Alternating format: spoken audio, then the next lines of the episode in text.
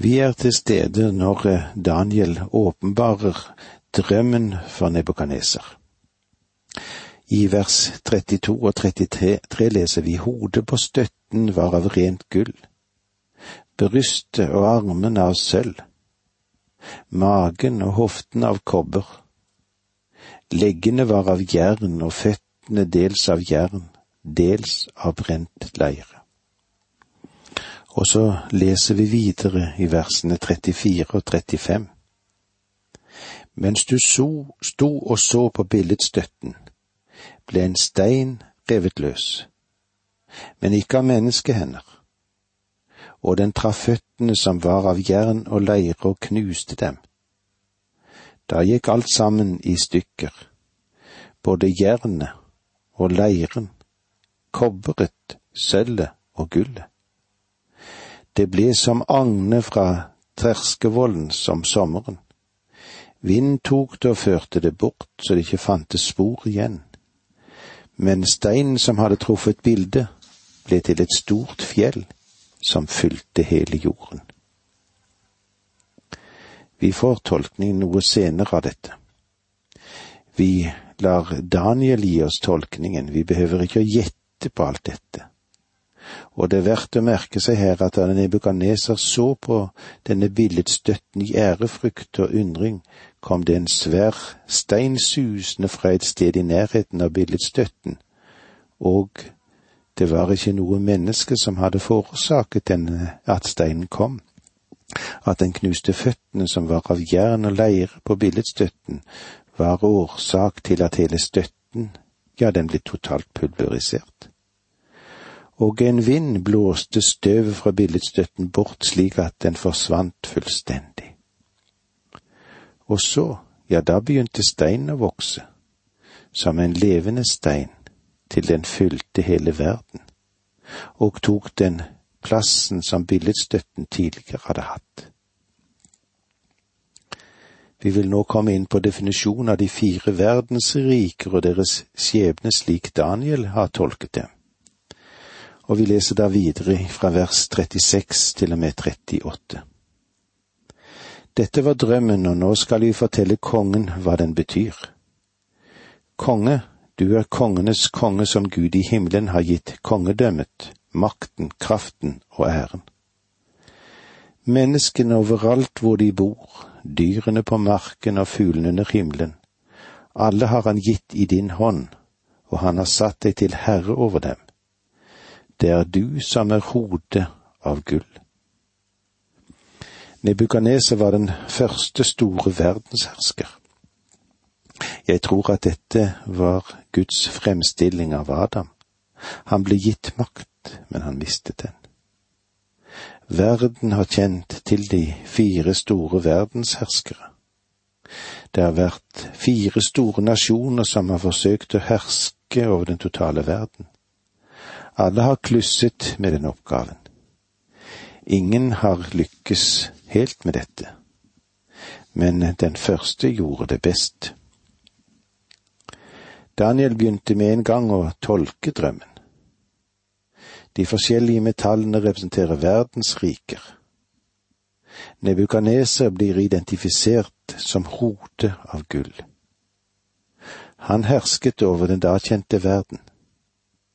Det var ingen som satte spørsmålstegn ved hans autoritet. Han var den absolutte monark og der har vært meget få av det slaget etter den tid. Mer blir sagt om det babylonske imperium i det andre deler av Bibelen, inkludert Daniel i kapittel fem og Jeremia 27. Og gjennom Jeremia så sa Gud det på denne måten i Jeremia 27, 5-7. Det er jeg som har skapt jorden og menneskene og dyrene som lever der, med min store kraft og min utstrakte arm.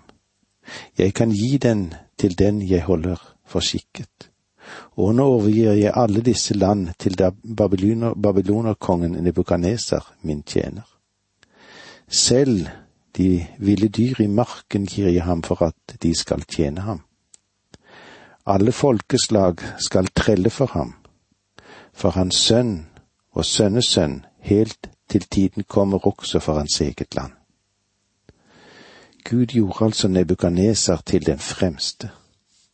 Han gjorde ham til verdens første verdenshersker, og hans like har ikke funnet sted senere. Vers 39 Men etter deg skal det oppstå et annet kongerike, ringere enn ditt, og så et tredje rike av kobber, som skal herske over hele jorden.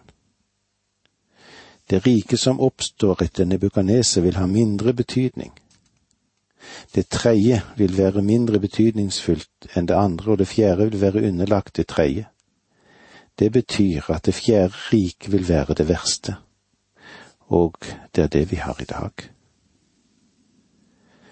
Det er to kongeriker som blir nevnt i dette verset. Armen av sølv representerer mederne og perserne. I Daniel 5,28 blir vi fortalt hva som vil hende med det babylonske riket. Delt er ditt rike og gitt til mederne og perserne. Så vi behøver ikke spekulere på hvem det andre riket representerer. Det blir klargjort her. Husk at Daniel levde både i Nebukadnesers rike og i det etterfølgende under mederne og perserne. Vi leser i Daniel 6,9 Gi nå et slikt påbud, konge, og skriv det opp, så dette medernes og persernes uforanderlige lov ikke skal oppheves. Det tredje riket er representert ved kobber og vil herske over hele jorden. Dette er det gresk-makedonske riket under Alexander den store. Og dette fører oss frem til det fjerde riket. Det er viktig å merke seg at det er bare fire, og det er ikke noe femte rike. Og den perioden som angår det fjerde riket, er den tidsperiode som vi er inne i i dag. Vi leser vers 40 til 43. Siden skal det komme et fjerde rike, sterkt som jern. Like som jernet slår i stykker og knuser alt, så skal dette riket, som knusende jern, slå i stykker og knuse alle de andre. Føttene og tærne var, som du så, dels av pottemakerleire, dels av jern. Det betyr at riket skal være delt, men det skal være noe av jernets styrke i det. Du så jo at jernet var blandet med leire. At tærne og føttene dels var av jern og dels av leire, betyr at riket fremdeles skal være sterkt, men for en del svakt. Når jernet, som du så, var blandet med leire, betyr det at de skal blande seg ved giftermål, men de skal likevel ikke holde sammen, like lite som jern kan blande seg med leire. Her er et veldig interessant avsnitt i Bibelen. Det gis mer oppmerksomhet til det fjerde riket enn til de andre tre rikene til sammen. Daniel bruker fire vers her for å beskrive det og tolke det. Bare ett vers, vers 39, blir brukt for å beskrive det andre og det tredje riket, det medo-persiske riket og det gresk-makedonske imperium.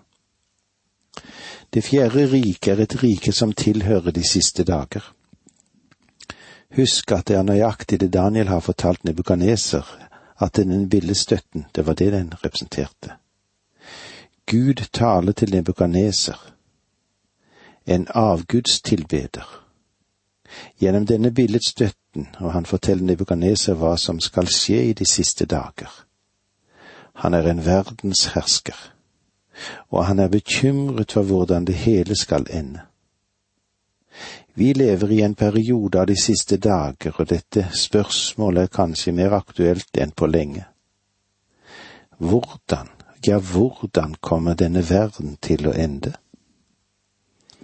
Ja, vi har jo alle våre meninger om det, men vi vil komme tilbake til hva Daniel forteller oss videre når vi møtes igjen neste gang. Takk for nå, må Gud være med deg. Dette undervisningsprogrammet består av to deler. Åge Nevland fortsetter nå med andre del av dagens undervisning. Vi er i Danielsboken i det andre kapitlet, Og vi ser på hvordan det er når Daniel fortolker Nebukaneser den drømmen som han har hatt. Og vi trenger å gå et skritt tilbake og se på denne billedstøtten igjen et øyeblikk som Nebukadneser hadde i sin drøm. Den gjør oss nesten engstelig fordi den har en så kolossal størrelse. Det virker som den har ruvet over den babylonske høysletten, slik som Nebukadneser så den i sitt syn. Og det er en billedstøtte som var sammensatt av flere, flere metaller. Den har et hode av gull, som taler om Babylon. Brystet og armene, de er av sølv. Det er altså det medopersiske riket, det. Kobber er det gresk-makedonske riket. Leggen er av jern, og det er Rom. Men når det gjelder fotbladene, så er det en blanding av leire og jern som er den siste utgave av det romerske riket. Denne billedstøtten, den representerer altså fire imperier, og det er flere ting vi må merke oss med den. Det synes å være en klar forringelse av det ene riket til det andre, og dette klargjøres jo på flere måter. Denne forringelsen står i strid med den moderne filosofi og det vi òg kan kalle for meningsbrytning. Synspunktet i dag er at vi blir bedre og bedre ettersom tiden går. Evolusjonen fungerer, og den går fremad og oppad i en ubrutt linje. Vi synes at vi har den beste styreform, og at vi er på topp blant folkeslagene, men det er ikke noe sant i det, er det det? Menneskeslekten har alltid løyet for å kunne klappe seg selv på skulderen. Men eh, slik er det ifølge Daniels bok, ja, det er en forringelse, en utarming, en verdireduksjon fra det ene kongeriket til det andre. Og det neste er ringere enn det foregående, det åpenbares via denne billedstøtten på flere måter skal vi se på en fire-fem punkter av dette. Det første er metallets kvalitet. Gullet er finere enn sølv, og sølvet er finere enn kobber. Kobberet er finere enn jern, og jern er bedre enn leire.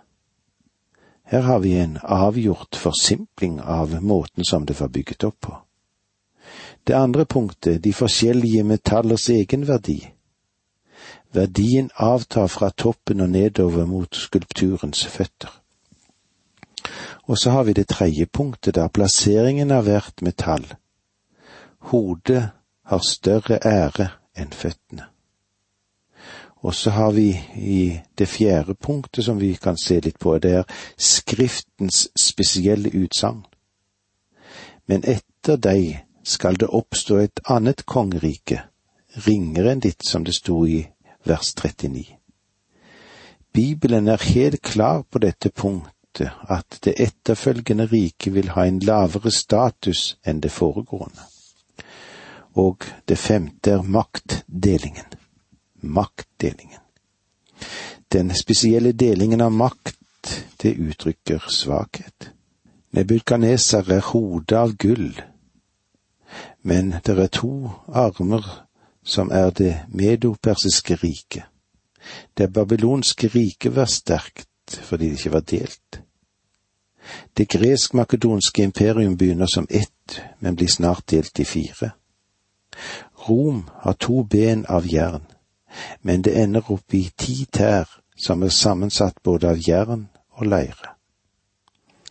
Guds styreform blir presis som hodet av gull. Bare én hersker vil være den klippen som blir revet løs, men ikke av menneskehender. Og det er ingen annen enn den Herre Jesus Kristus.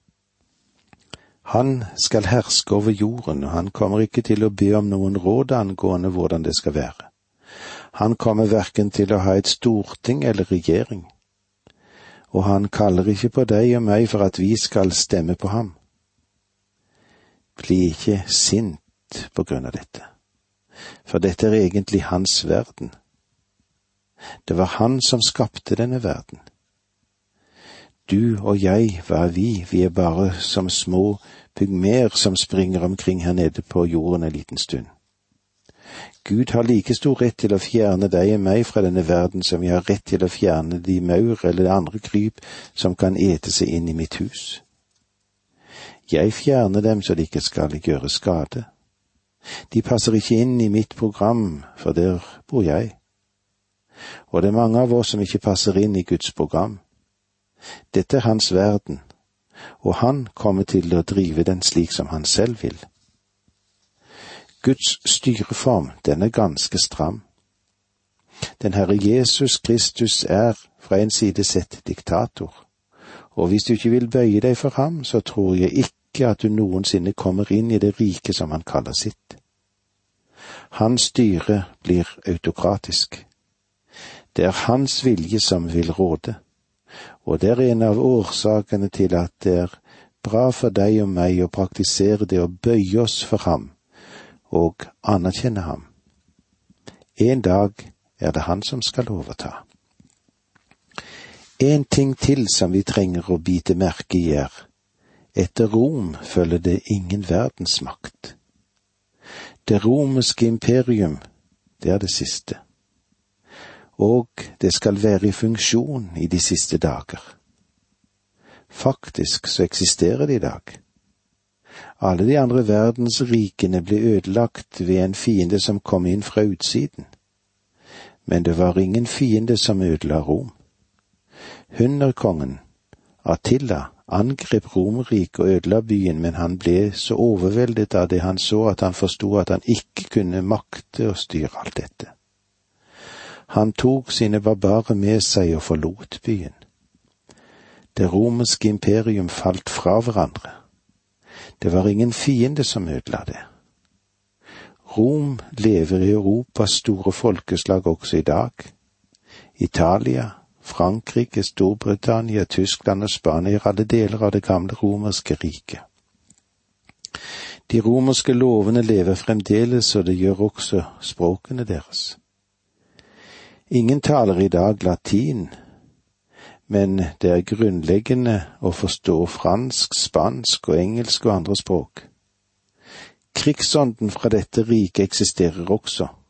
Europa har vært i krig helt siden de ble delt i forskjellige riker.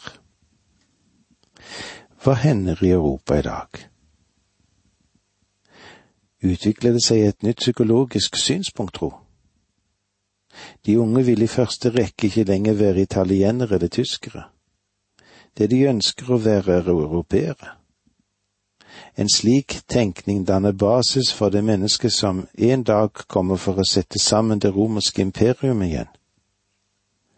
Han er kjent i Bibelen som syndens menneske, eller antikrist. Det er kanskje ikke usannsynlig at fellesmarkedet er trekk fra denne linjen men ikke før Gud tar bort sperringen, vil denne mannen åpenbare seg og alt dette bli en virkelighet. Jeg tror at fordi han er Satans menneske, så vil Gud ikke la ham åpenbares før han har kalt ham ut til det folk som er kalt ved hans navn. Når han har gjort det, vil han fjerne sin menighet fra jorden. Gud fullfører sitt program, enten det ser slik ut eller ikke. Derfor kommer det en som vil knytte sammen det romerske imperium igjen. Jeg taler aldri om det romerske imperiums oppstandelse. Det skulle innebære at det hadde vært dødt, men det har det ikke. Mange har prøvd å sette det sammen igjen, men de har ikke fått det til foreløpig. Det var et av målene for den romersk-katolske kirke i begynnelsen. Napoleon prøvde alt han kunne og det er også flere av de germanske herskerne gjort seinere. Kanskje vi kan òg tenke litt på Hitler og Mussolini, de gjorde òg sine forsøk, men så langt har den mannen som ville makte dette ikke stått frem. Gud vil nok ikke la ham fremstå riktig ennå. Ødeleggelse av de hedenske verdensriker og full etablering av himmelens rike på jorden. Hva vil nå bli slutten på det siste riket, det riket som knytter sammen jern og leire. Jeg tror at leiren representerer massene, de forskjellige nasjonene, de ti tær. Jernet taler om Rom, at det fortsetter å leve i sin gamle form i avslutningsfasen. Hvordan det hele vil ende, har vi fått svar på i den avsluttende del av kapittel to. La oss lese vers 44 og 45. Men på den tid da disse rår, kongene rår, skal himmelens Gud opprette et rike som aldri i evighet går til grunne. Det riket skal ikke gå over til noe annet folk. Det skal knuse og gjøre ende på alle de andre rikene, men selv skal det bestå i evighet. Du så jo at en sten ble revet løs fra fjellet, men ikke av menneskehender, og den knuste jernet, kobberet, leiren, sølvet og gullet. Den store Gud har nå kunngjort kongen det som heretter skal skje.